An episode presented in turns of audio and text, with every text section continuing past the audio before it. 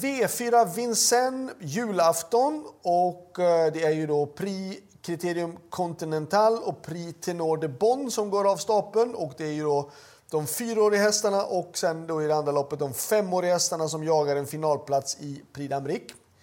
Eh, vinnaren går vidare och vi börjar då med eh, V41 som är då Criterium Continental och där har ju då Basir med nummer två Joshua Tree.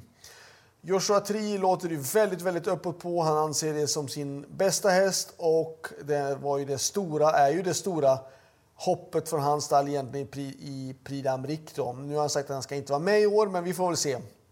Joshua 3 är i alla fall en solklar första häst.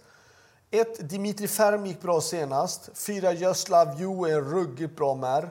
Sex Just a Gigolo är också bra. Det är väl de som jag tycker är mest intressanta emot. Alltså två är första häst, sen är det ett, fyra och 6. Själv så kör jag då 16 Star of McCrow som är bra, men det är klart att som spår 16 så gäller det att vi trollar lite grann. Vi går istället till V42 som jag tycker är öppet. Här ska vi ha med nummer 2 Isaac Davroche, 3 Idefix Jem, 6 Instinct Dotis, 7 Imoko Hofor, 10 Ideal de Dompierre och 11 Iggy Loisir. Så 2, 3, 6, 7, 10 och 11 i V42. V43 är ju då eh, Prix Tenor de Bon från femåriga hästarna och där är ju storfavorit nummer 12 Idao de Tiard är ett spikförslag. Han är ju en fantastisk häst och att det bara är 12 stycken hästar är ju en fördel för honom. Han är väl nästan en av de största franska hoppen just i Prix d'Amérique och att han nu går ut och möter jämnåriga på det här sättet så såklart att det är en stor fördel.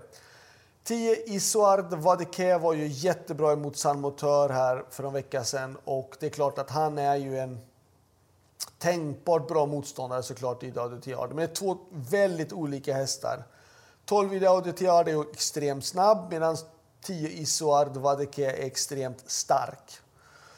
Sju Great Skills är ju bra. Jag tycker hon gjorde bra lopp första starten och hon skulle kunna vara med och utmana om det. Eh, och sen då så kan jag tycka 3 Ibiki DOL, Erik Raffins styrning, den är också en liten luring kan jag tycka det här loppet.